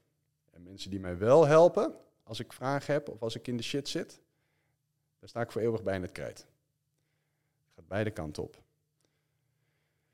Maar als, als, omdat dit vak, zo moet je het eigenlijk noemen, ik ben niet echt een pure influencer, maar ik maak natuurlijk content, dus ik snap dat je mij zo kan noemen. Maar ik ben eigenlijk gewoon coach, fitnesscoach. Dan, ehm, als er heel veel mensen denken dat dat leuk is om te doen, als ze allemaal de volgende Don de Jong of Enzo Knol willen worden, dan krijg je vanzelf dat er heel veel mensen zich daarin vergist hebben in wat het kost om daar te komen. En dan krijg je uiteraard veel afvallers. Volgens mij heb ik de vraag nu beantwoord. Zeker. Hey, ehm, eh, dan wil ik nog een paar vragen over de fitnessmarkt zelf eh, stellen. Eh, natuurlijk over onderdelen die jullie wel eens uh, nou, ontkracht hebben. Luister en huiver. Ja, trek maar open. Ja, ik, ik denk nou, ja, nou, ik ben- dit soort vragen vind ik nooit zo interessant volgens Oh. mij. Maar ik ben heel benieuwd. Ja. Nou ja, hij trok even een blikje open. Dat is altijd satisfying. Eh, Ja. Even ASMR de podcast. Jongens, koop, koop dit blik, hè jongens. Cheers. Ehm, ja, trouwens, kijk, wat dit blik betreft. eh, ik heb de samenstelling gemaakt van dit blik. Een tijdje geleden, een paar jaar terug inmiddels, zei Joël ook weer van... Hé Maurice, jij weet veel en ik weet echt heel veel. Wil je voor mij die bestanddelen maken van het energieblik? En ik denk dat dat eh, heel succesvol gaat worden. Ik zeg, dat klopt. En ik heb die bestanddelen gemaakt. En het is nu weer heel makkelijk om dit jaar weer te zien dat deze blikken en die stoute blikken en die flessen op die festivals liggen. Bij Verknipt for Your Mind, Rotterdam Reef, het hele pakket overal. In de supermarkt. Maar vorig jaar, twaalf maanden geleden, lag het nergens nog. Zo snel kan het gaan. Klopt. Het is leuk lullen als het succesvol is. Maar ik droeg deze blikken gewoon naar binnen bij die festivals. Om het maar ook bij technoartiesten in de hand te drukken, filmpjes te maken. Ik drink het natuurlijk op camera, ook omdat ik het wil. Maar het is een product, het is allemaal werk. En ook dit is weer iets dat gewoon heel veel moeite heeft gekost om te ontwikkelen. En als het dan in de winkel ligt, dan vergeet ik nog steeds niet de moeite die het heeft gekost. Maanden heeft het gekost om die smaak juist te krijgen überhaupt. En dat is weer het zoveelste, hè, het is ook weer iets waarvan je ziet, eerst investeren en daarna pas de vruchten plukken. Klopt. Dan kunnen we nu heel leuk met een smile het blikje gaan drinken. Dat wel echt gevaarlijk lekker. eh, Ja, vooral- het is- vooral nou, die, stoute ja, die stoute blikken, dat is de doodsteek. nou, daar ben ik blij dat je wel er eerlijk over is, want dat is gewoon een probleem. Je kan niet één blikje drinken. Dat- Ja, maar je proeft het ook niet. ja, dat je moet, eh, ja, Sarino, mijn vrouw, maar ook Dionne, die, die vriendin van de Joel, die weet ook van... Was dat maar nooit eh, met die alcohol, weet je. Daar drink je veel te veel van. Ja, dat is gewoon een probleem. Maar... En dan vier blikjes kijk je schil, maar je hebt niet eens door dat je vier blikjes op hebt. Dat, Nee, eh, nee, nee. ja, het is nou, in principe natuurlijk ook gewoon, niet om je te beledigen, alleen het is, het is water met smaakstof en alcohol. Dus het, het kikt super snel in. Ja, het kikt eh, heel snel in. Maar de, de, de, kijk, het is wel zo. eh, Zit er te veel wodka in, dan zeggen mensen weer van... hé, hey, eh, iets te heftig. Ja. Zit er te weinig in, denken ze... ja, dat is geen goed product. Het is precies die combinatie van smaak... waardoor je denkt, hé, hey, boem, dit is lekker. Ja, Coca-Cola, Fanta, et cetera, hetzelfde verhaal. Ja, klopt. Ja, gevaarlijk lekker, ja. Ja, Ehm, ja eh, de combinatie van de levensstijl noemen we dat dan maar. Met, met de fitnessbranche natuurlijk ook. Ja, maar kijk, eh, is leuk hoor. Ik heb die blikken allemaal thuis liggen in de schuur. Is prima. Maar ik ga natuurlijk niet door de week aankomen. Zo. Nee, het is alleen voor het weekend. En volgende week AD dan. ja, en volgende week AD. Dit, dit, ja, dit wordt oeps. volgens mij na AD misschien uitgebracht, maar prima. Ja. Ehm, ja, wat was jouw vraag nou over... Oh ja, je gaat fitnessvragen stellen. Ja, over de, over de fitnessbranche inderdaad. Ja, want we hebben natuurlijk bepaalde trends gezien in de afgelopen jaren. Uh, nou ja, natuurlijk over dat uh, uh, game changers. we hebben natuurlijk fatburners voorbij zien, ja. zien komen. bepaalde mensen die natuurlijk niet heel blij mee waren dat daar gewoon eerlijke waarheid over werd uitgesproken. Ja. Laatste tijd ook weer testosteronboosters. Um, zie je die trends jaarlijks terugkomen, iets in die trant? Dat, dat, dat je Ja. dat constant terug ziet blijven komen?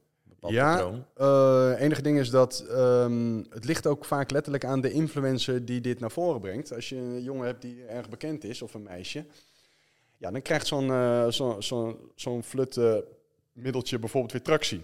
En ehm, ja, vroeger had je, ook, had je ook van die testosteron boosters natuurlijk gewoon, maar ja, eh, ik kocht ze niet, weet je. Maar ik had geen invloed op andere mensen die dat misschien wel eh, eh, kochten. Nu wel. Nu heb je daar wel invloed op. Dus wat je ziet, is dat er een bepaalde correctie wel plaatsvindt afgelopen jaren. Als, je, als, als sommige influencers die zeggen, hey, je moet die vetburner kopen, of je moet eh die testosteronbooster kopen, of je moet, je moet dit doen, je moet zo trainen om eh sixpack te krijgen, weet ik wat allemaal. Dan kan je dat dus corrigeren. En dat hebben, eh, ik en Joel ook gedaan in video's. Vetburners, weet ik wat allemaal, hebben we allemaal gecorrigeerd. Dus dat werkt wel. Ik denk dat het wel goed is om te weten dat ik niet de hoop heb dat dit soort dingen nooit meer gaan gebeuren. Blijft een Door- verdienmodel natuurlijk. Ja, maar daarom. Dus eh, kijk, ik weet hoe de wereld in elkaar steekt. Dus ik weet dat, ehm, het, mijn, ik weet dat het mijn morele taak is, maar ook gewoon een taak voor, aan mijn klanten om dingen eh, uit te leggen en om het juiste perspectief te plaatsen. Dat is goed om te doen. Maar eh, ik weet ook dat dat af en toe gewoon terugkomt. Dus vetburners, dat dat is natuurlijk ook zoiets heerlijks om in te geloven. Ja dat, eh, ja, dat willen mensen ook wel gewoon horen. En dus er zal er altijd wel iemand zijn die af en toe zegt, jongens, eh, het helpt wel een beetje. Dus, en als het een beetje helpt, dan is het genoeg reden om te kopen. Ehm, ja, dus ik ben, ik ben niet in de veronderstelling dat ik in staat ben bijvoorbeeld, of samen met je wel in staat ben, om alle fabeltjes, zeg maar, middeltjes die niet werken, uit de wereld te helpen. Dat niet. Maar we besteden er graag de komende jaren nog wel eens aandacht aan, ja. Het zijn vaak de leukste video's inderdaad die daaruit voortkomen. Ja, we hebben wel hele lijpe eh, grappige filmpjes gemaakt. Ja, dat was wel eh, leuk om te doen. Dus misschien gaan we dat, kunnen we dat wel een keer doen, ja. Ja, we hadden toen ook een paar memes over die fatburners gemaakt. En bepaalde mensen hebben toen- ons toen ook geblokkeerd daarna. Ja, ja maar nogmaals, eh, en dat, dat ja, is- degene die dat zelf verkochten. Ja, maar kijk, wa- wa- wa- wat heel belangrijk is, is, is voor mensen om te weten. Kijk, ik praat graag over van alles en nog wat, maar waar ga ik niet over praten? Voetbal, politiek, dat soort shit. Dat heeft geen zin. Ik heb daar hele sterke mening over. Ik volg dat allemaal. Maar het kan niet zo zijn dat je maar de hele dag bezig bent om, om, om, de, om andere mensen te bekritiseren omdat het veel belangrijker is om je eigen klanten, die al vertrouwen in jou hebben, te vertellen hoe iets werkt. Want dan verandert hun denkbeeld. Dan dat je andere mensen, die dus jou niet vertrouwen, maar iemand anders wel, probeert over te halen om naar jouw kant te komen qua denkwijze. Dat werkt bijna niet. Dat is ook gewoon wetenschappelijk bewezen. Dat werkt ook niet. Dus ik ga niet aan een dood paard trekken. Nee. Ik wil nog wel iets heel belangrijks zeggen, wat voor mij dus ook eh, ja, wat, wat voor mij eh, heel belangrijk is geweest, is dat vroeger op Facebook had ik ellenlange discussies met mensen. Wetenschappelijke discussies. Sommige mensen die mij al lang volgen, die weten dat wel. Daar word je bang van. Op een gegeven moment, afgelopen jaren, heb ik be- besefte ik van ja, dit heeft geen zin. Ik ga nooit meer een discussie aan. En dat hou ik vol. Ik zeg gewoon wat ik zeg. Als je mij niet vertrouwt of denkt dat het is niet waar, dan is dat geen probleem. Maar ik ga jou niet overtuigen, omdat ik weet dat overtuigen niet bestaat. Of iemand wordt aangetrokken tot mijn visie en denkbeelden, wetenschappelijk onderbouwd. Of je kan, zich of je, kan je aangetrokken voelen tot iemand anders mening. En dat is dus, houdt dus ook in de lifestyle. Als je zegt, hé hey Maurice, jij eh, met die eh, Gold Dry en jij feest in het weekend. Maar ik eh, ben juist van mening dat iemand geen alcohol zou moeten drinken omdat dat niet gezond is. Dat klopt. Dan is het natuurlijk wel een legitieme reden om, eh, om, om misschien bij een andere coach eh, te, gaan, eh, te zitten, omdat je meer aangevoeld, aangetrokken voelt door zijn persoonlijkheid of lifestyle.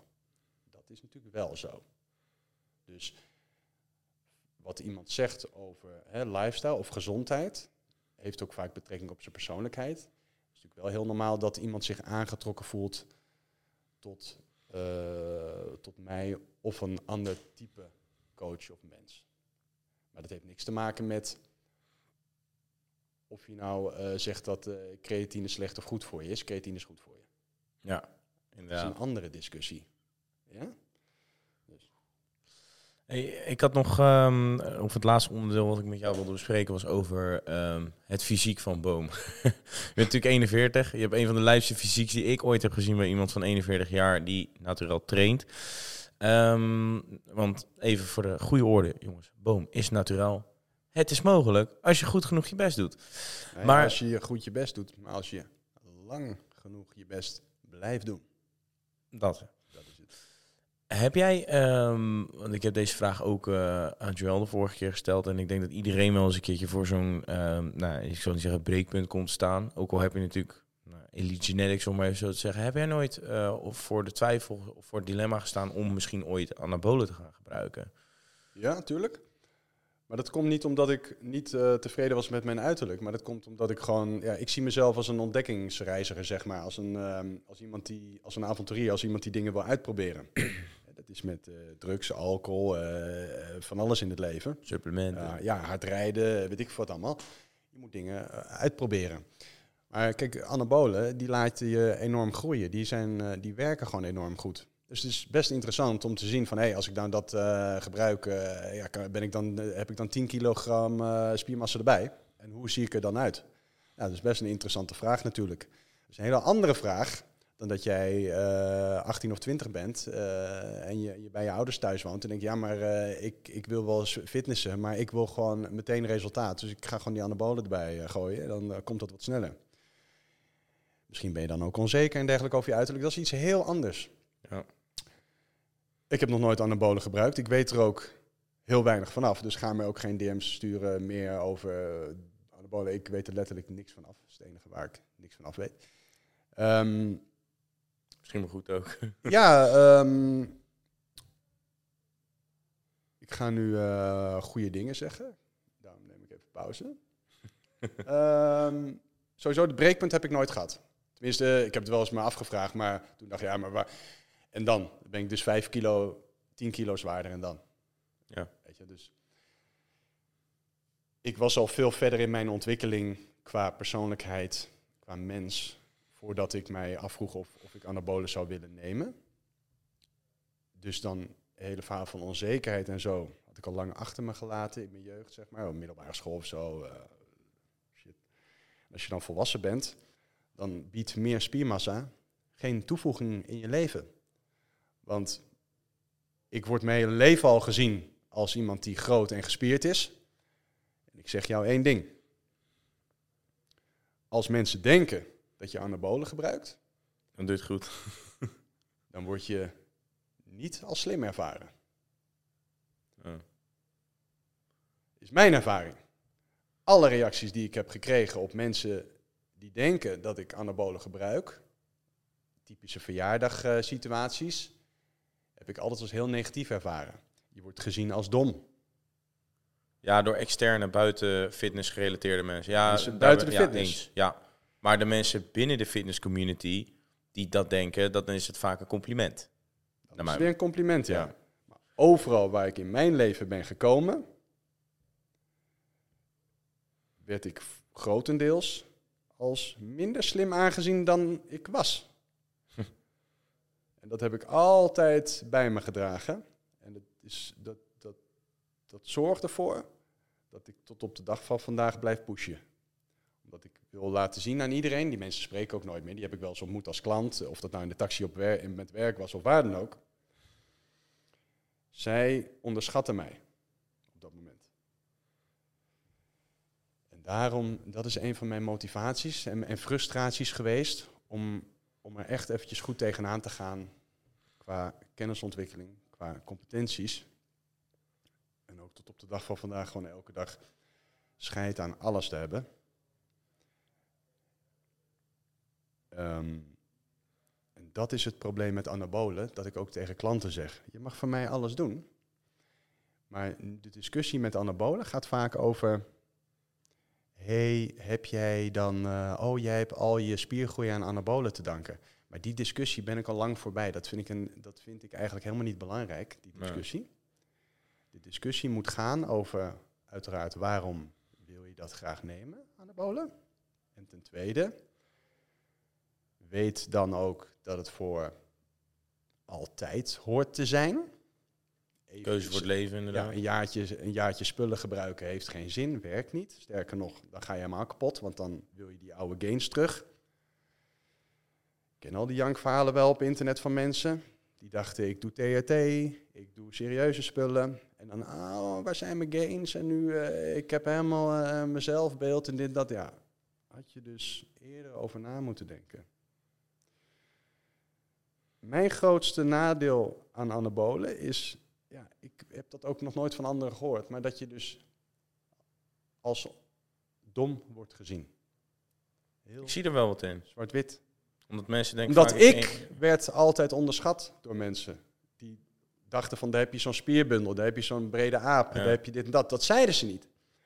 Maar dat dachten ze wel. En ze wisten niet dat ik studeerde. Ze wisten niet dat ik veel meer wist op mijn vakgebied dan veel anderen die al lang een carrière hadden. Dus ik werd onderschat. En dat, terwijl ik dus geen anabolen gebruikte. En het, had wel, het kan wel zo zijn. Het kan zijn dat ik wel anabolen stiekem gebruik en nu dat niet zeg. Dan zag er ook zeg maar zo uit of nog een st- stuk groter. Dus precies dat gevoel, dat wil je niet. Dus ik zeg tegen jou, en ik, denk, en ik kan het zeggen, ik maak dat twintig jaar mee en ik zie er zo uit. Er zijn genoeg mensen die nog steeds mij, misschien als ze mij op een feest zien, vrouwen of mannen, denken van, oh, je zo'n spierbundel, eh, denk denk natuurlijk dat die cool is. Veel mensen vinden het niet cool als je heel gespierd bent. Die krijgen een andere indruk van jou dan jij waarschijnlijk zelf wil geven. En daarom raad ik anabolen af. inderdaad een andere invalshoek dan die we normaal horen. Ja, dat is fucking een andere invalshoek. Want ik weet wat, wat, wat, wat, wat, wat het, hoe je, welke indruk je op mensen maakt. En pas sinds ik bekend ben geworden, benaderen mensen mij heel anders natuurlijk. Ja. Wat denk jij als ik natuurlijk vroeger al met een strakke mouw in die club stond, in mijn shirtje, met Joel, met Woetroe, en wij staan daar met z'n drie op die dansvloer. Uiteraard hebben heel veel vrouwen ook toen de tijd gedacht, en mannen, van, oh, daar heb je die eh, macho eh, spier, eh, spierbundels weer. Het was helemaal, niet was helemaal niet positief natuurlijk in die zin. Uiteraard zijn er ook heel veel mensen die zeggen van, hey, dat motiveert mij, eh, hey, eh, wat ben je fit. Eh, vrouwen ook natuurlijk, die vonden ons natuurlijk ook wel aantrekkelijk. Maar ik benadruk nu even dat andere gedeelte, waar mensen niet over nadenken. Dus de kern daarbij is ook, alles draait om waarom doe je het, motivatie. En je moet er gelukkig van worden. En ik zeg jou dat je er niet gelukkig van wordt. Gaat je geen reet opleveren. Überhaupt gespierd niet. Behalve als het je werk is. En je er heel erg prettig bij voelt om, om te trainen. Dat kan. Maar puur spiermassa.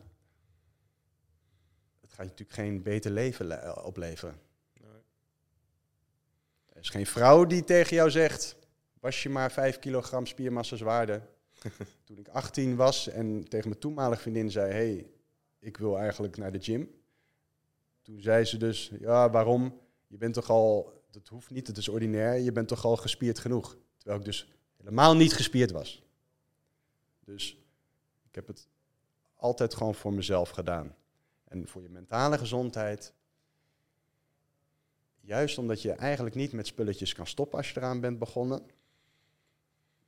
kan ik het aan iedereen afraden. En, eh, als, je, als, je, als je echt mij wil zijn, of Joel, hè, of, of, heel, of andere influencers, er zijn natuurlijk heel veel jongens die gewoon lekker fit zijn en een mooi leven leiden, of laten zien dat ze dat leiden, dan, eh, dan heb je aan een paar kilogram spiermassa wel meer dan genoeg. Hè? Eh, meer spiermassa gaat je geen beter leven ople- opleveren. En laat maar één iemand fucking aan het woord die dat betwist. Kan ze niet zo 1, 2, 3 bedenken. Nee. Dat kan je helemaal niet bedenken en niet vinden ook. Hey, ik heb nog één ehm, eh, een beetje een afsluitende vraag. Ehm, Oh ja, en dat wil ik Oh. dus wel. oh, ja. Als je dus alles uit je sportcarrière, eh, als je alles uit je sportcarrière wil halen, qua fysiek, qua bodybuilding wedstrijd, neem dan wel lekker spulletjes natuurlijk. Anders maak je op het podium geen kans. Doe ik ook niet. Mensen denken wel eens, Maurice, moet bodybuilden, dit en dat. Heeft geen zin. Sta ik op het podium met 1 1,97, lijk ik weer dun naast de andere jongens. Alleen voor je sportieve doeleinden is het natuurlijk noodzakelijk. En anders moet je het even zelf heel goed beslissen naar aanleiding van wat ik tegen je heb gezegd. Denk jij dat eh, door, vanwege het eh, schoonheidsideaal wat er nu heerst eh, rondom social media, et cetera, door middel van alle influencers, dat dat ehm, zorgt dat meer mensen anabole steroïden gaan gebruiken vanuit een onzeker perspectief? Dan denk ik nu eventjes aan absolute en percentages. eh, ehm, kijk, ik ken de getallen niet. Ik zou je nu vragen, weet, weet jij dat het zo is of niet? Want ik weet niet of het zo is. Kijk, je moet naar percentages kijken. Als iedereen in de gym zit, zullen er qua absolute aantallen ook meer mensen zijn die anabolen gebruiken. Maar Ik had de dokter gesproken, onderzoek 2007, afgelopen zondag. Onderzoek in 2007 eh, kwam uit dat 20.000 mensen in Nederland anabole steroïden gebruiken. Nu zit dat rond de 480.000 mensen. Oké, dus dat is, dat is ja, dat is helder. Hetzelfde ook met drugs. Hoe meer feesten, elk weekend tegenwoordig een feest, tot diep in de nacht, wordt er ook meer drugs gebruikt. Ja. Ehm, en meer gedronken. Ehm, Oké. Ik ga ervan uit dat er ook dat er van de mensen die nu zijn, eh, zijn gebruiken, zijn gaan gebruiken, bijvoorbeeld eh, doordat, op, doordat ze op social media hun rolmodellen eh, zien en dat lichaam ook ambiëren. Ehm, en omdat er gewoon meer mensen aan fitness doen, dat er ook een groter deel van de mensen dat dus half doet. Dus gaan gebruiken zonder niet echt de financiële middelen te hebben om dat door te gaan zetten. Controles te gaan doen, bloedonderzoek, hartonderzoek en dergelijke. Hoe je dat dus op een professionele manier hoort te doen voor je gezondheid. En daarom zeg ik ook, dat is het grote probleem met anabolen. Dat, dat is eigenlijk bedoeld om, om de rest van je leven gewoon te doen. En daarna eh, eh, misschien met TRT verder te gaan of wat dan ook, weet je wel. Eh, het is niet iets wat je maar even eigenlijk normaal gesproken een paar jaar doet. Dat, dat, is, het, dat is het enige nadeel met anabolen. Ik, je hoort mij dus ook nu niet praten daarom over gezondheid. Ik praat niet over gezondheid. Ik ga niet, ik ga niet zeggen, rook niet jongens. Ik ga niet zeggen, oh, drink geen alcohol. Rook niet, ga op tijd naar bed. Ga niet anabolen. Over, over gezondheid praat ik niet. Ik ben niet jouw fucking vader. Ik heb mijn eigen kinderen. Doe geen drugs.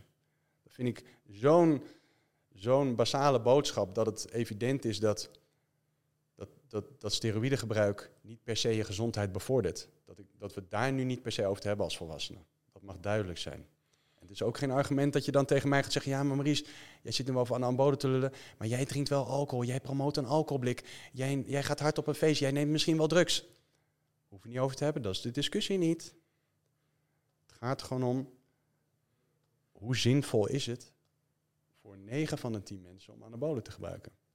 En ik denk dat het niet zinvol is, omdat het niet gaat brengen wat zij hopen dat het gaat brengen. Gaat geen waardering brengen, gaat geen aandacht brengen. En op de lange termijn is het niet houdbaar voor 9 van de 10 om dat gewoon op een goede manier te doen. Eens. Dus ik zie, ik zie daar gewoon nooit een stimulering. Ik ken ook niet veel mensen die stimuleren om maar uh, anabolen te gaan gebruiken. Maar ik denk dat het verstandig is. Dat geldt ook voor alcohol en drugs natuurlijk. Om standaard te zeggen, je hebt het niet nodig. En als je het niet neemt, is dat beter voor je gezondheid. Fysiek en mentaal. Eens. Nou, eh, Maurice, eh, we hebben er anderhalf uur op zitten. Hartelijk dank uh, ja, voor jouw uh, gezelligheid uh, in deze podcast en jouw verhaal. Ik vond het leuk om ja. aan te horen. Dan horen we ook eens een keertje het verhaal achter, achter de boom. ja, er valt nog wel meer te vertellen, maar dit was een goede introductie. Ja, een goede intro inderdaad. Nee, ja, hartelijk bedankt. Um, ja, mocht je Maurice nou nog niet volgen op Instagram, ga dat dan eventjes doen. voor goede tips kan je ook het account Je Eigen Coach volgen. Dat is het account van Maurice. Ja, wat ik doe is eventjes heel simpel gezegd, ik, ik laat mensen spiermassa aankomen en droog worden. Dus nu, ik heb twee trajecten, groeitraject, droogtrain traject. Nu massa bouwen. En uh, volgend jaar voor de zomer droog trainen. Als je dat wil, onder begeleiding van mij, ga lekker naar mijn website, je eigen coach. Zie je, zie je er net zo stout uit als Maurice Zie je er net zo stout uit, dan kun je op je 41ste nog steeds op ADE elke dag uitgaan. Heerlijk. Um, laat even een blauw duimpje achter op YouTube. Klik op de prachtige abonneerknop die eronder staat. Uh, abonneer ook even op het YouTube-kanaal van je eigen coach. Want er staan ook heel veel nuttige tips, vind ik zelf. Uh, ben nou via Spotify aan het luisteren. Laat even vijf sterretjes achter. Bedankt weer en een uh, goede dag nog verder. Ciao! Thanks voor het luisteren naar deze heerlijke podcast. En nog even een kleine promotie naar onze eigen Sportpoeder-app. waar je terecht kan voor de lekkerste kortingen op jouw supplementen. En binnenkort nog veel meer zoals voedingsschema's, trainingsschema's en vergelijkingen van supplementen. Download nu de Sportpoeder app in de App Store en in de Google Play Store. Uh, of ga even naar www.sportpoeder.nl. Er staat ook een linkje op. Dus dan uh, word je zo doorverwezen. Thanks voor het luisteren en tot de volgende keer weer. Ciao!